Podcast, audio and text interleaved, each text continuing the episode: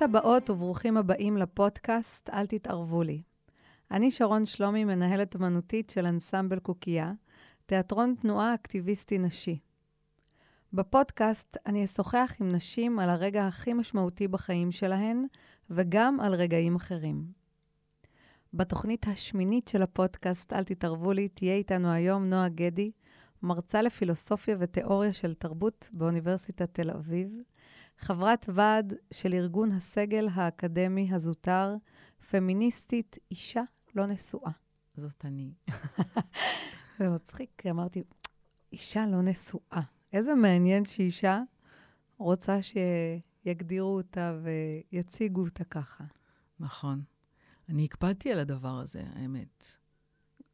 שאני אשאר אישה לא נשואה. אני רציתי להיות בסטטוס של אישה לא נשואה.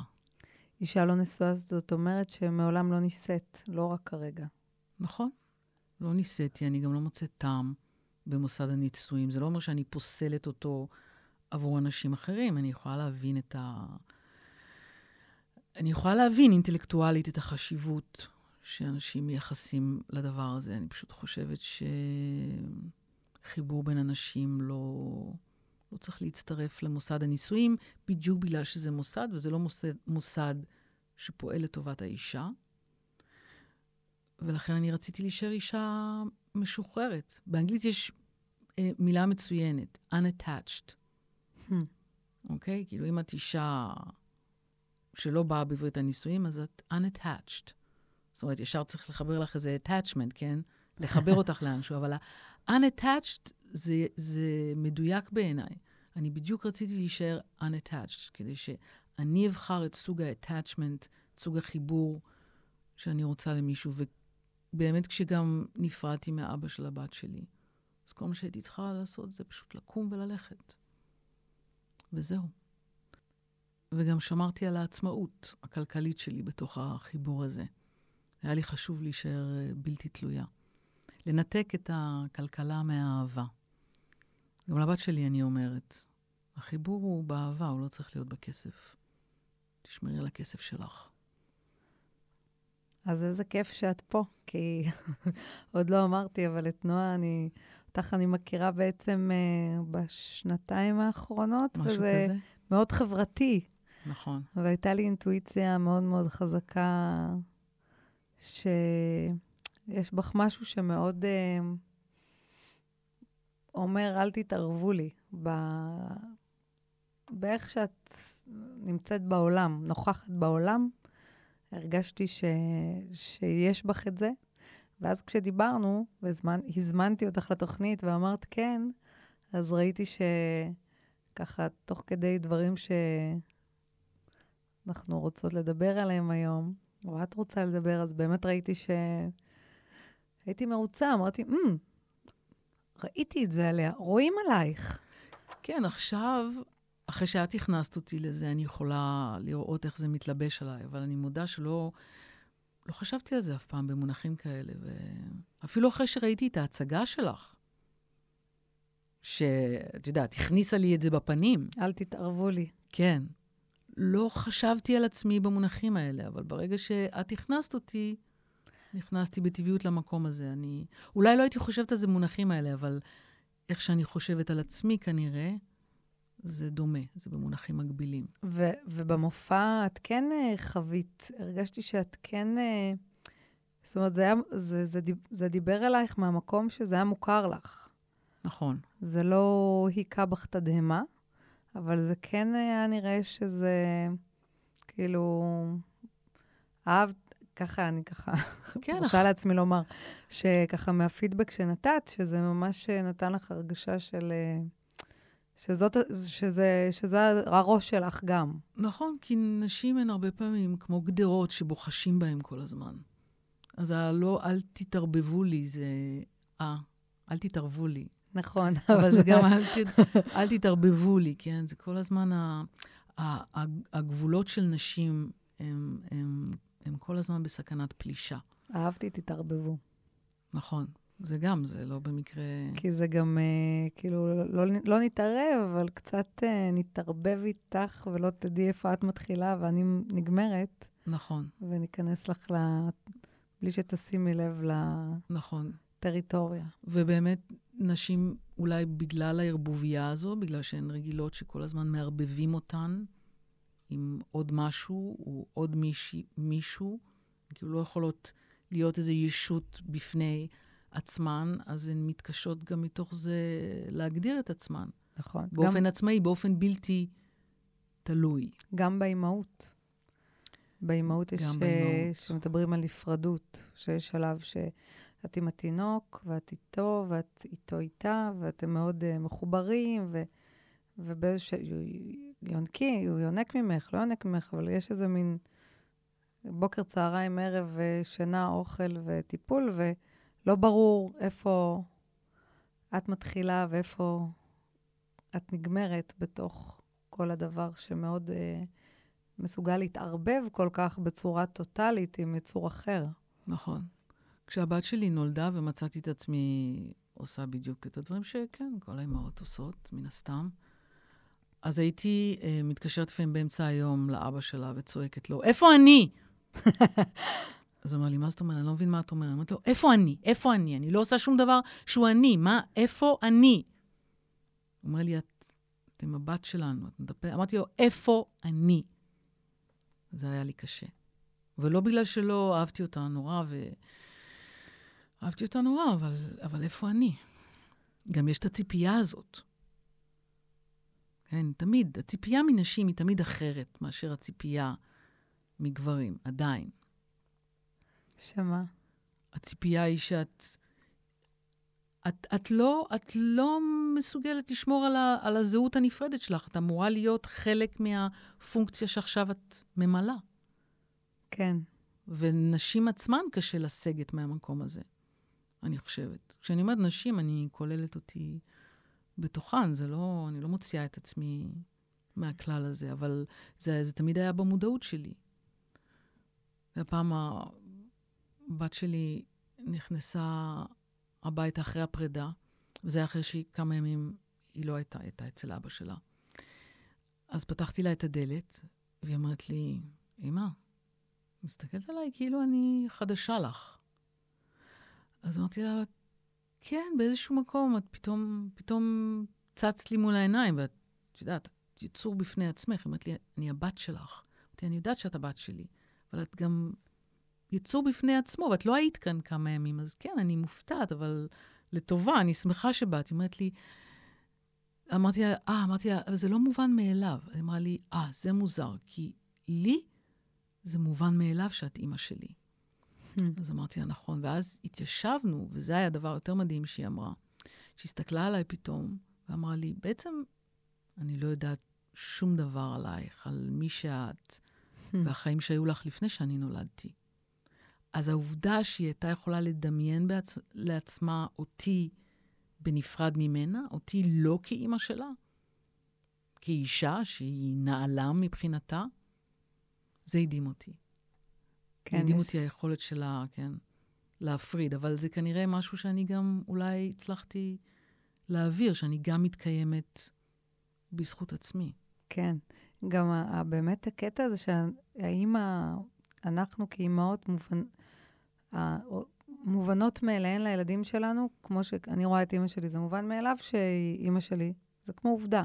נכון. זה כמו שיש שמש, יש אימא. נכון. כאילו, זה, ומצד שני, כשאני מסתכלת על הבת שלי, אז כל פעם אני נדהמת ואני אומרת, איזה קטע, זה בן אדם בפני עצמו שגדל ויגדל, כאילו זה מוזר, זה... נכון. זה כי אני כן מצליחה... אבל אף פעם לא מדברים על המוזרות הזו, זה כאילו אמור להיות טבעי ומובן מאליו. זה לא תמיד טבעי ומובן מאליו. לפעמים אני מסתכלת עליה, ואני מסתכלת עליה כאילו מבחוץ. אני אומרת, מי הילדה הזאת? מי הצורה הזאת? אה, אני לא מחבבת אותה עכשיו. טוב, תכף תחזור לי אהבה אמהית. כן. זה... להיות אימא, יש איזו ציפייה שזה כזה...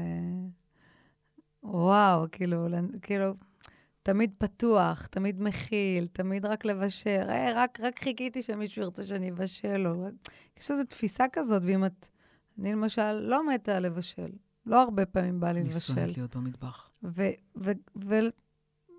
ואת יודעת, ומצד שני, אני אומרת, טוב, צריך להכין משהו, אבל זה לא בא לי, זה כאילו נראה לי, פעם במה שהאמנתי שזה חלק מלבטא אהבה, ואם אני לא באמת אוהבת את זה ורוצה לעשות את זה, אז זה פחות אהבה או משהו. אז לא, אני שחררתי את עצמי מהמטבח. גם אני. אני ממש. ממש אומרת לעצמי כל הזמן, זה בסדר, let go.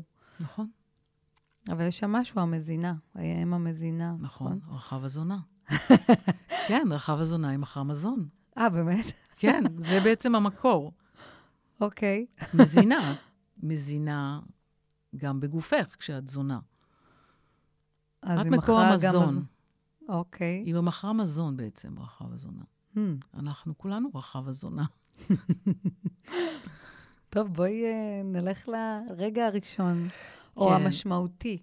הרגע הכי משמעותי בחיים שהרגשת שפתאום את אומרת, נכון, רגע שרק בדיעבד אני יכולה להגדיר אותו כרגע פמיניסטי, אבל אז הייתי באמת קלולס. וזה היה, זה היה בשביעית, בתיכון, ויצאה הנחיה שבנות לא יכולות לבוא יותר לבית ספר במכנסיים קצרים. וזה מה שכולן עשו, חוץ מנועה. והיה מורה ללשון עברית, הוא היה רס"ר המשמעת, תחשבי גם, כאילו, היה, רס, היה רס"ר המשמעת, כן, בבית ספר אנחנו תיכון. למדנו באותו בית ספר. בית ספר תיכון עירוני A. יכול להיות שבעידן שלך, אנחנו קצת כן. יותר מבוגרת, זה, זה כבר השתחררו מהדבר הזה, אבל ב, בתקופה שלי היה. אז הוא בא, ודווקא הייתי איתו ביחסים טובים. אמ, הייתי אינטליגנטית, ועמדתי על העקרונות שלי, אז הוא העריך אותי, הוא היה מסוגל להעריך אותי. אז הוא בא אליי, אמר לי, אני מבקש ממך, כבר חודש, את, שבועות, את ממשיכה לבוא עם מכנסיים קצרים. אמרתי לו, למה שאני לא אבוא עם מכנסיים קצרים? אני לא מבינה. אמרתי לו, גם בנים אסור עליהם לבוא עם מכנסיים קצרים? לא, רק על בנות. אז הוא אומר לי, למה את תמיד מקשה? אמרתי לו, מה הסיפור? החשש, איפה, כאילו, איפה, איפה זה עומד? יש פה חשש שהרגליים החשופות של הבנות יגרו את המורים? וזה היה הרגע שבו אמרתי, אל תתערבו לי. זאת אומרת, בדיעבד אני אומרת את זה. כאילו, אל תשליכו עליי את הפנטזיות המיניות של המורים גברים שלי. הם, הם מסוגלים להתמודד עם רגליים חשופות של בנים, אז הם אמורים להתמודד גם עם רגליים חשופות של בנות, כי הרגליים החשופות זה לא האישיו, אוקיי? אז לא, אני סירבתי לבוא. הם לא חששו שהבנים גם אה, יפריע להם הרגליים החשופות של הבנות? לא, זה היה... אני חושבת שזה היה העניין של המורים. אני חושבת ש... את יודעת, כמו שעושים תמיד, אם את צריכה, כמו, כמו, בתרבות, כמו בתרבות האסלאמית. כן? את מכסה את האישה כדי שהגבר לא יתגרה. אז לא, אני לא צריכה לכסות את עצמי בשביל שמישהו לא יתגרה, אין שום סיבה. אם אני לא... אם אני לא מביאה עכשיו את המיניות שלי, אז אין צורך שאתה תביא אותה בשבילי. כן. כן, יש איזה... זה מדהים. מדהים שזה, שזה קיים עדיין. התפיסה הזאת שאם את מושא ה- המיניות והעוררות, אז אצלך, את צריכה למצוא פתרון. נכון.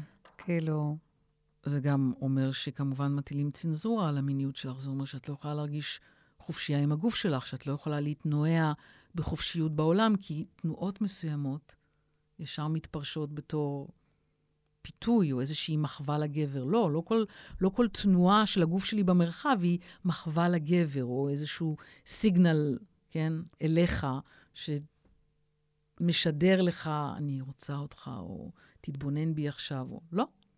מזכיר לי שהתחלתי לרקוד אה, ריקודי בטן, או, ופשוט גיליתי, וואו, איזה כיף זה, זה פשוט, כל הרטט הזה פשוט פותח לי את כל הגוף באושר גדול.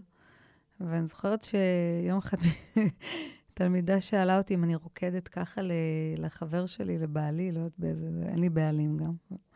אבל כאילו, את יודעת, כל ה... זה כזה, מה? הריקוד, כשגיליתי את הריקוד בטן, הוא כל כך גיליתי את, ה, את המקור שלי לאורגזמה עצמית אה, רוחנית, נכון. שממש, כאילו, כאילו הקטע של לשייך את זה ללרקוד למישהו, כל כך אה, מרד... מרדד את החוויה, כאילו, זו הייתה, זאת חוויה מדהימה. אז זה הדהים אותי ש...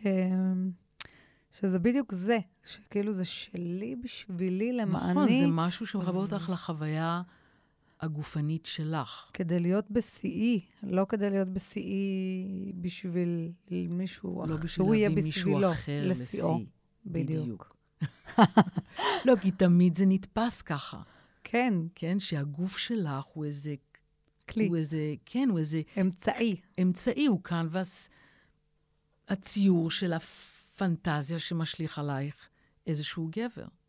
כן, אז זה מאוד מצמצם נשים, ואז זה מייצר איזה רפרטואר כזה מאוד מוגבל, שבו נשים גם, נשים לומדות, לומדות אותו אגב. והן גם הופכות שיש- להיות אה, תגובתיות, דרך אגב, נכון. ופחות אה, המקור של חוויות. זה כאילו מייצר אותך כל הזמן תגובתית. ה... כאילו, את יודעת, כל ההתנהלות שלך זה... בתגובה, ולא בתגובה משהו שאת למש- מייצרת עצמאית. כן. כן, ויש גם, כמו שאמרתי, הרפרטואר הזה, שאת יודעת שזה זה הדברים שהם נחשבים עכשיו פיתוי, זה הדברים שבהם, וזה, וזה המקום שבו הגוף שלך, שהוא נמצא, כשהוא דומם, שהוא כאילו אמור לא לשדר, כן. אוקיי? כן, את גם לומדת לא לשדר, נכון. כדי, ו, כדי שלא יחשבו. וזה גם נורא מגביל את כל רעיון הפיתוי, כי בעצם, אני חשבתי על זה כשהתחלתי ללמד, שגם כשאני נמצאת אה, בכיתה עם סטודנטיות וסטודנטים, יש איזשהו פיתוי, ודאי, אבל הפיתוי הוא אינטלקטואלי. כן, אני מפתה אותם להיכנס לעולם של רעיונות, אבל אני משתמשת בכל מי שאני, בכל הלהט שלי והתשוקה שלי, בשביל להכניס אותם לשם. אז אני לא... אני כמובן מודעת, וגם האמ- האמת היא שאופי הדבר מצנזר אותי ממילא, כן? כי אני לא נמצאת איתם בסיטואציה אינטימית. אבל יש פיתוי, ולכן זה בסדר, זה בסדר להביא את עצמי. אני לא אמורה לשבת קפוצה וקבועה, אני לא אמורה לא להביא את, ה, את האישיות שלי או את הלהט שלי, שמאפיין אותי, זה מי, ש, זה מי שאני. אבל זה נכון שלפעמים שמעתי הערות שהן... כמו מה? היא שאני משתמשת יותר מדי בגוף שלי, או יש יותר מדי... אה, יש... שיש יותר... כמו שאת אמרת, כאילו, אהבת את הנוכחות, שיש יותר מדי נוכחות. מה, מ- מ- מצד תלמידים שמעת אה, ביקורת, או מצד... כן, או מצד קולגות. כן. יש איזו ציפייה שאם את באקדמיה, אז תהיי טיפוס יבשושי. אקדמי, את יודעת. ו- כן, וזה לא מי שאני. כן. אז אני מצרה על זה שאין עוד כמוני מסביבי. דיברתי השבוע עם uh, מישהי שהתראיינה פה, ררדה, שהיא גם היא מרצה במכללה אחרת. ובדיוק כשפגשתי אותה השבוע ודיברנו קצת, אז היא אמרה לי, אמרה לי, כן, הם לומדים לקבל אותי כמו שאני. היא ערבייה, עם uh, דעות מאוד ברורות לגבי הרבה דברים, והיא לא מקטינה ו... ומצניעה אותם. היא, היא כל כולה וכל מי שהיא, ככה היא מלמדת. ו, וזה, והיא מתמודדת גם עם, עם, ה, עם האומץ שלה לעמוד מול אנשים ולהגיד, זאת אני. כאילו מול הסגל, מול התלמידים, כאילו הם לומדים לאט לאט נכון. אה, לה, להפנים אותה, לעכל אותה, ו... כי היא מביאה את עצמה, זה מאוד והיא לא חשוב. מוכנה לא להביא את עצמה. היא לא יכולה. כן. אז זהו, זה מי שהיא. היא כזו שלא יכולה שלא להביא את עצמה. בדיוק. וזה חשוב מאוד שיהיו במיוחד נשים כאלה. והאנשים ש... שלמדתי בחיי מהם, זה אנשים שהביאו את עצמם. זה לא שהכי הכי השפיעו עליי, זה אנשים שבסוף הביאו את עצמם, ולא היו יבשושים. נכון, או ליישר, ליישר איזשהו קו שהוא, אני תמיד אומרת, זה קו דמיוני של, של איזושהי מוסכמה, ש... מי, מי קבע אותה?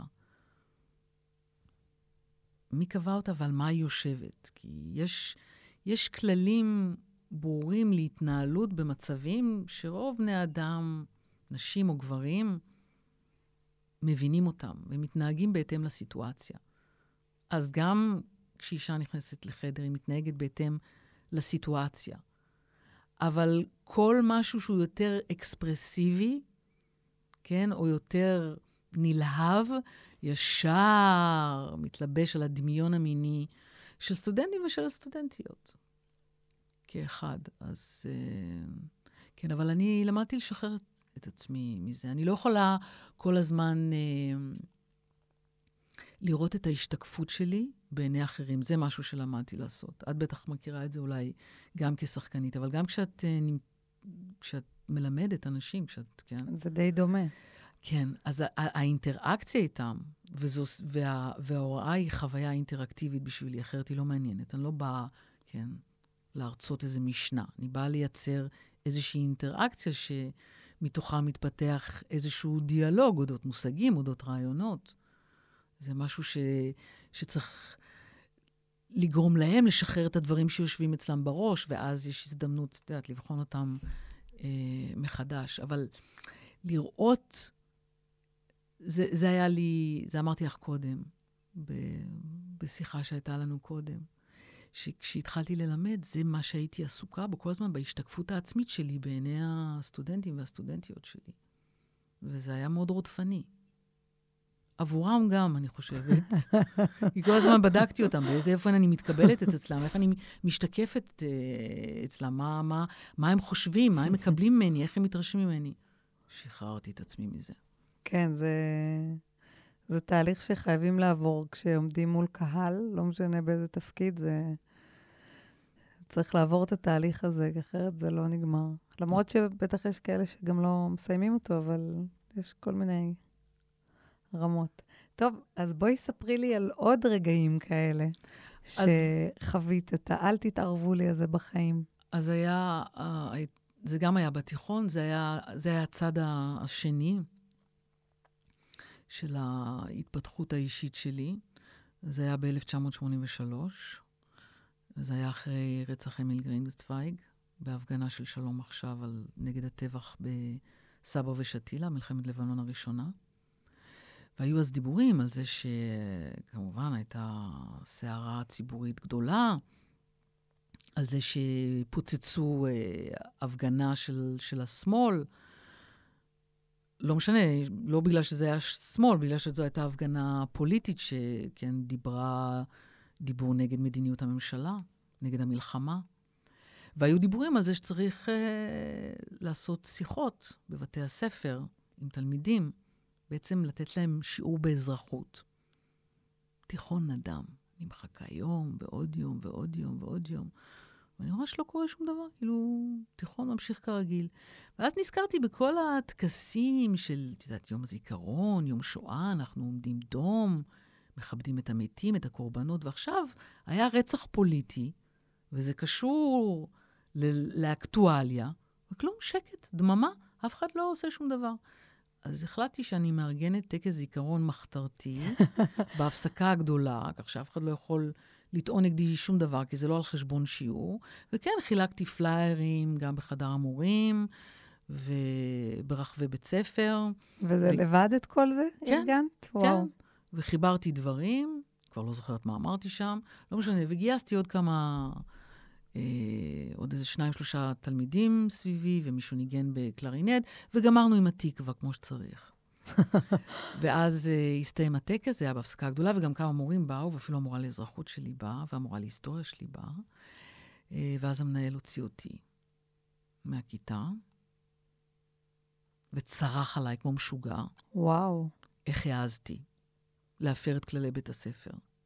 מי אני חושבת שאני? שאני מארגנת טקס, לא... ומה פתאום שמתי פליירים בחדר המורים? זה בכלל שיגע אותי. הוא צורח. ואני מסתכלת עליו, אני אומרת לו, מה אתה רוצה? אני הצלתי את כבוד בית הספר. הוא הסתתם. וזה נכון. והתחושה הזאת ש...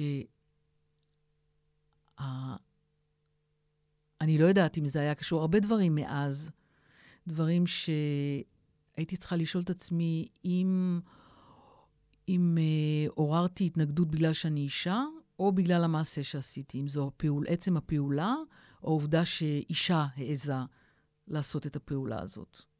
גם בשנים שהייתי, כל השנים הרבות שהייתי אה, באקדמיה. כי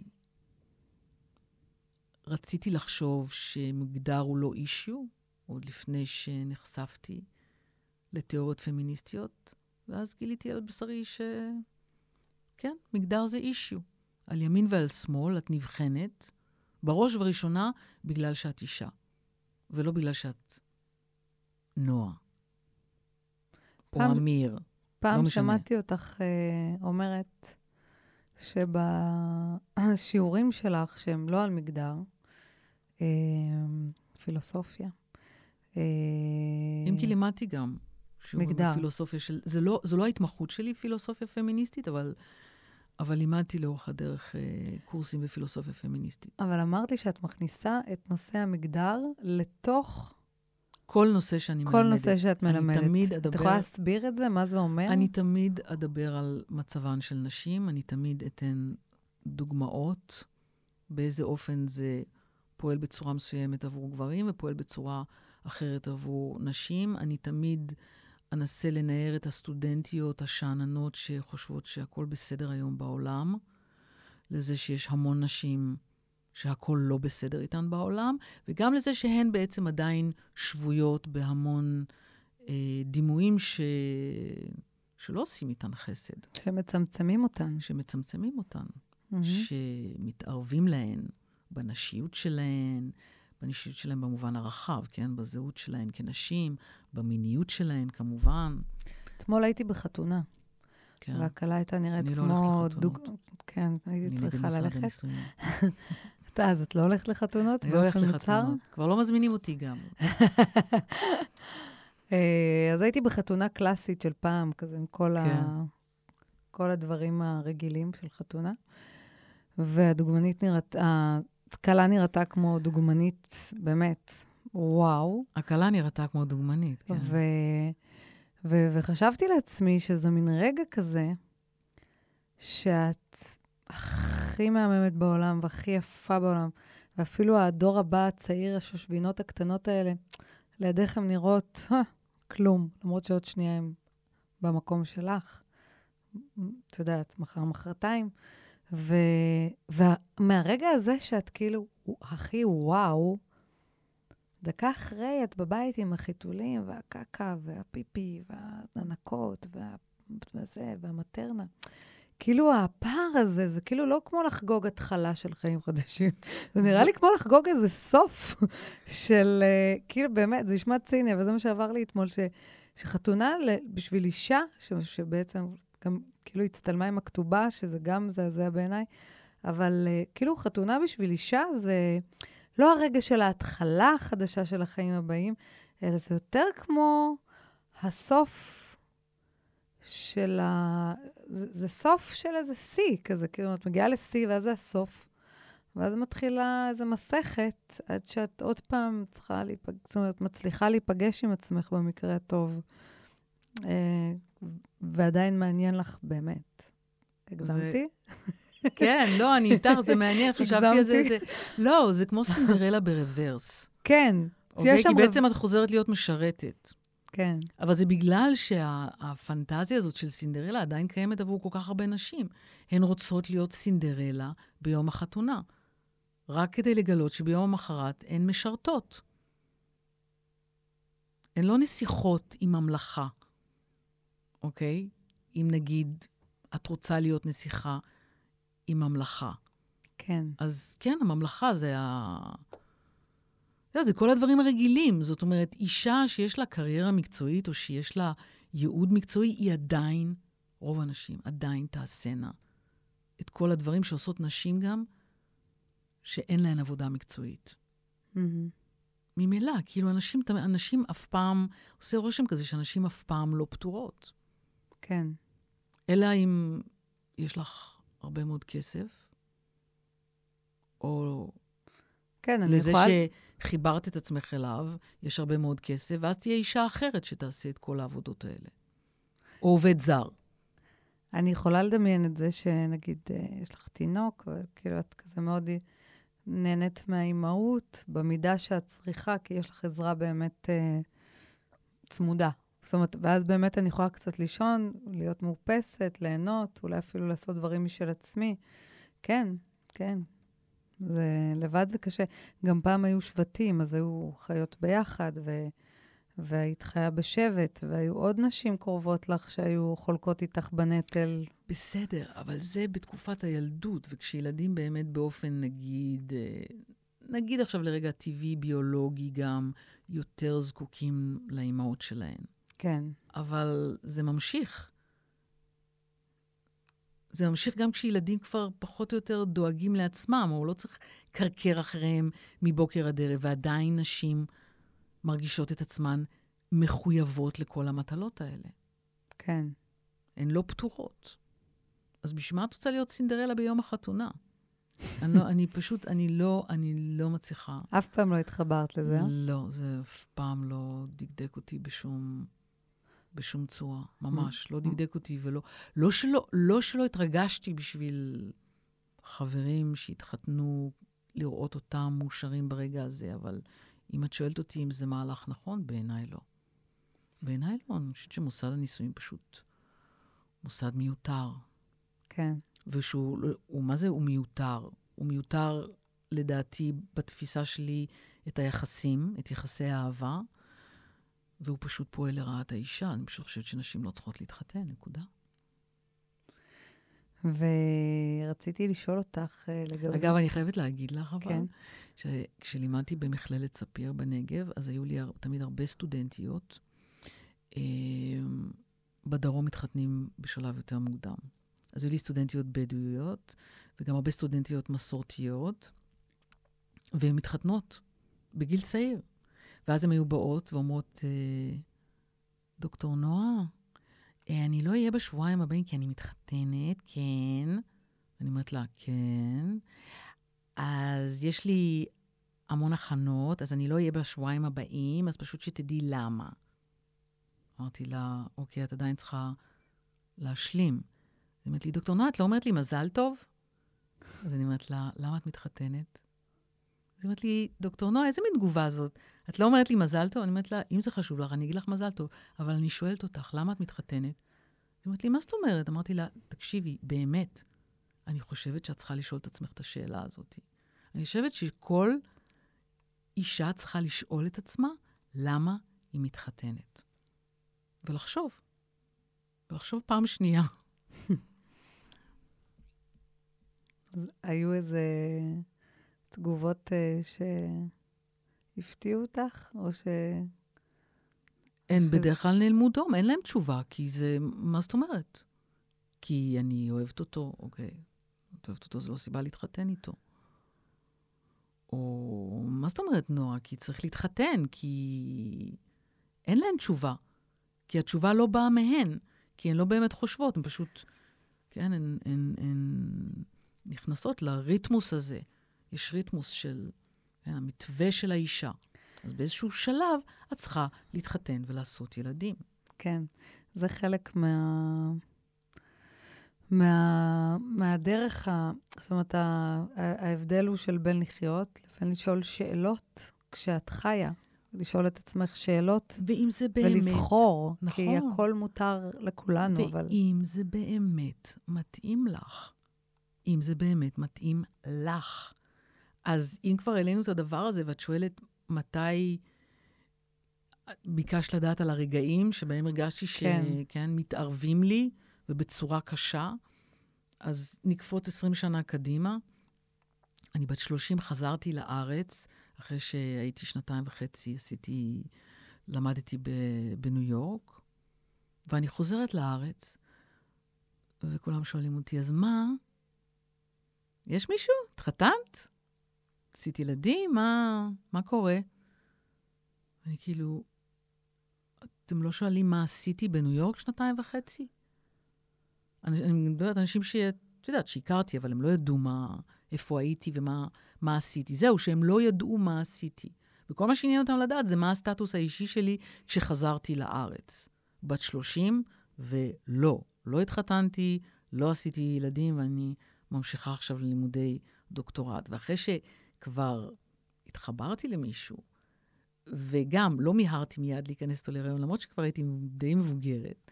ואז כשכבר ילדתי, וכן, נכנסתי לנורמה של אישה שילדה, אחרי שעברתי את השנים האלה, שכולם אמרו, what's wrong with her? מה עשית אבל בחו"ל באמת? אה, למדתי, עשיתי תואר שני. Mm. רציתי פשוט uh, ללמוד קצת בחוץ. ולהתרחק אולי גם. רציתי גם אולי קצת uh, להתרחק. וזה היה מאוד משחרר, כי באמת בחוץ כזרה יכולתי להגדיר את עצמי איך שרציתי. אז, uh, ואנשים תמיד שאלו אותי, מה את עושה? אז אמרתי, אני לומדת. אבל אף אחד לא שאל אותי, אצל אמריקאים זה בגלל, זה הפורמליזם שלהם, זה הנימוסים שלהם, לא, הם לא ישאלו אותך שאלות אישיות. אבל זה היה משחרר. בשבילי, כשאת, כן, מגיעה מהחברה הישראלית השבטית שמכוונת לדבר אחד, זה יפה מאוד כל מה שאת עושה, אבל מה עם גבר? מה עם ילדים? מה עם משפחה? אוקיי? וגם שכל הזמן מסתכלים עלייך ואומרים, אבל מה לא בסדר איתה? למה, כאילו, לא, לא נראה שמשהו לא בסדר איתי, אז מה, מה מונע ממנה להתחתן ולעשות ילדים? ואז אחרי שכבר ילדתי, למה רק אחת? סליחה? למה אתם נכנסים לי לשחלות? כאילו, מה זאת אומרת למה אחת? זו מין שאלה זאת. אחת. זה כל מה שאני רוצה. אני לא רוצה הרבה ילדים, אני רוצה ילדה אחת. אני לא רוצה להיכנס להיריון עוד פעם, אני לא רוצה ללדת עוד פעם. זה, לא רוצה. זה היה משהו שכשילדת אחת, רצית אחת? אני חושבת שרציתי אחת. הייתה תקופה שהתלבטתי, ולא לא בגללי, באמת. כי... טוב, כולם עושים שני ילדים. כן. אבל אני לא רציתי שני ילדים. רציתי את הילדה האחת שנולדה, וזהו. Uh, זה שאלות ש, ש, ששואלים נשים. כן. כן, זה כאילו... זה לא ש... שאלות ששואלים גברים, זה שאלות ששואלים נשים. כן, האמת שלראות גבר שלא התחתן ואין לו ילדים, זה נראה בסדר, כאילו זה נראה יותר טבעי מ... מלפגוש אישה שמה, כאילו היא בטח רוצה או לא יכולה, היא בטח רוצה, אבל אין לה עם מי. כן, אולי כאילו זה... תמיד זה נראה שמשהו לא בסדר. בדיוק. ואם היא לא רוצה כי היא בחרה, אז כנראה שהיא לא, לא הספיק לה הטיפול הפסיכולוגי שהיא עברה. כי אחרת היא הייתה מגיעה... היא עוד לא התחברה לעצמה. כן, בדיוק. אוקיי. לא התבגרה. נכון. אצל גבר זה תמיד מסתורי ומאתגר. העובדה שהוא עדיין לא נתפס על ידי אף אחת. וגם, הוא תמיד יכול גם. כן, זה מרחב האפשרויות הבלתי... משפחה, בדיוק. אז... מרחב האפשרויות הבלתי נגמרות. זה לנשים, כן, זה דבר מוכר, יש תאריך תפוגה. למה לנשים יש תאריך תפוגה? גם... What's that about? וגם המעניין שהטבע יצר את, ה, את הפריון אצל אישה בצורה מאוד ברורה. זה גם מעניין, שאנחנו בעצם, יש לנו דדליין. אני חושבת שהדדליין הזה גם, יש בו משהו חיובי. כן. כי אני רואה סביבי הרבה נשים uh, בגילי, גילה, גילאי 40, ש... אוקיי, לאט לאט לעשות עוד ילד כדי להעביר את הזמן יורד מהפרק. סתם אני אומרת, זה הקיצוני של הבחירה של לעשות ילדים, אבל אה, פתאום, אה, אוקיי, הן רוצות לייצר לעצמן את ה baby שלהן, שזה לא ילד, זה כן. משהו שהוא, שהוא שלהן ומשלהן, ו, וזה גם, זה, זה מעניין שהפריון, שכבר אין אפשרות להיכנס uh, להיריון יותר, אז שם יש משהו שאישה מתחילה להגדיר את עצמה מחדש. זאת אומרת, היא נדחפת לזה. אני שמה לב סביבי שכולן uh, מתחילות uh, בגיל הזה יותר ויותר לרצות, uh, למי שאין לה משהו ברור שהיא עושה. לרצות להגדיר מחדש. אז אולי לדדליין הזה הוא חכם, יכול להיות, לא יודעת. כן, את יכולה להגיד שאולי במקרה שלי זה נכפה עליי גם כי ילדתי בגיל מאוחר, כי התחברתי בגיל מאוחר וילדתי בגיל מאוחר, אז, אז גם טווח האפשרויות שלי מלכתחילה היה מאוד מצומצם. אבל האמת היא שפשוט גיליתי שאני לא רוצה עוד ילדים, אוקיי? וזה נתפס כמשהו לא סביר או לא לגיטימי. זאת אומרת, תמיד השאלה הבאה הייתה, כי ההערה הבאה הייתה, כי בקרוב לא תוכלי. כן. אוקיי? שזה גם התערבבות ש... האיום, האיום הגדול. זה לא אם אני אוכל או לא אוכל, זה אם אני רוצה או לא רוצה. ולקבל את זה שיש, מותר לאישה גם לא לרצות ילדים בכלל. זה שיש רחם לא אומר שצריך להפעיל אותו. מסכימה איתך כל כך. וזה בסדר, הנקודה הייתה, כאילו, כשסיפרתי לך את העובדה שבאמת אמרתי לסטודנטיות, ואני אני לא עשיתי את זה בצורה לא חביבה, אבל אני באמת התכוונתי לזה, תשאלי את עצמך, למה את מתחתנת? כי אני שאלתי את עצמי, ו- ועניתי לעצמי, לא, לא רוצה להתחתן. לא רוצה להתחתן, אני לא רוצה להיות אישה נשואה. לא שאני לא רוצה אהבה, לא שאני לא רוצה להתחבר, אני רק לא רוצה לעשות את זה במסגרת מוסד הנישואים. כמו שאלתי את עצמי, אם אני באמת רוצה עוד ילדה, והתשובה הייתה, לא. כן, איזה... אני מזדהה איתך ממש, כי גם אני עברתי תהליך דומה של uh, להביא ילדה, ואז לרצות, לא לרצות, כן רוצה, אני רוצה, היא רוצה, מי רוצה? אימא שלי רוצה? נכון. מי רוצה? מי זאת הרוצה הזאת, כאילו? נכון. זה, זה, ואני חושבת שה... ה, בכלל, כל ה... אל תתערבו לי, או כל השיח הזה של לשאול שאלות, להיכנס בעיניים פקוחות לרווחה ל... למצבים בחיים, זה כל כך חשוב. כאדם, כאישה, זה חשוב. לא חייבים להיכנס לתסריט, uh, התסריט לא כתוב מראש. ולהוציא את כל הכפות האלה שהן לא שלך, שהן בוחשות לך בגדרה, פשוט להוציא אותן החוצה. כדי שבאמת את תוכלי לבחון מה, מה הדברים שאת רוצה לבשל בתוך עצמך. אפרופו המטבח שאני לא סובלת, אבל זה כן. כן, הדימוי חזק. הטב... אבל, אבל התבשיל, התבשיל הפנימי שלך, שאת באמת תייצרי אותו מהחומרים שאת רוצה בו, גם אם הוא לפעמים מתחרבש, גם אם לפעמים תזרקי את התבשיל לפח, אבל זה משהו שאת מבשלת, ולא משהו שכל הזמן, כן, מתערבים לה. כמו שאף אחד לא אוהב שמתערבים לו בסיר, כן. אז זהו. מעניין שבחרתי בדימוי הזה, שאני כל כך לא סובלת מטבח ומשתדלת להדיר את רגלי מה, מהמקום הזה. אוקיי. טוב, לפחות יש דבר אחד שאת מבשלת בוודאות. נכון, אני רוצה לבשל רעיונות, לא מזונות. טוב, ועכשיו בואי נעבור לפינ... לפינה... ועכשיו בואי נעבור uh, לפינתנו, מה זה מזכיר לך. אוקיי. אז מה מזכירה לך המילה גבר? תתבגר, תתגבר. גלדיולה. נראה קצת כמו ערווה, לא? את יודעת שאני חושבת שאת השנייה שאומרת את זה? רק אה, השנייה? דיבה. אישה דרמה? זה. המצאה גברית, אגב. כן? בעיניי כן. מה, דיבה? כן. למה? כי זה קשור גם לתפיסה הזו שכן, לא להיות גדולה מדי, לא לתפוס מקום מדי, לא להיות צבעונית מדי, כזה? כן, ושאישה תמיד מייצרת דרמה. זה תכונה Mm. נשית, לייצר את הדרמה. כן, כי בכנסת אין דרמות בכלל. מיטו, מי לא? כל אחת כמעט. סוקולנטים, לא תלוי? צמח לא ספונג'ה. תלוי. אז זו, זו הממלכה המוחלטת של האישה. בזה היא שולטת פר אקסלנס. בספונג'ה? כן. הניקיון, צלוליטיס. הניקיון. כן.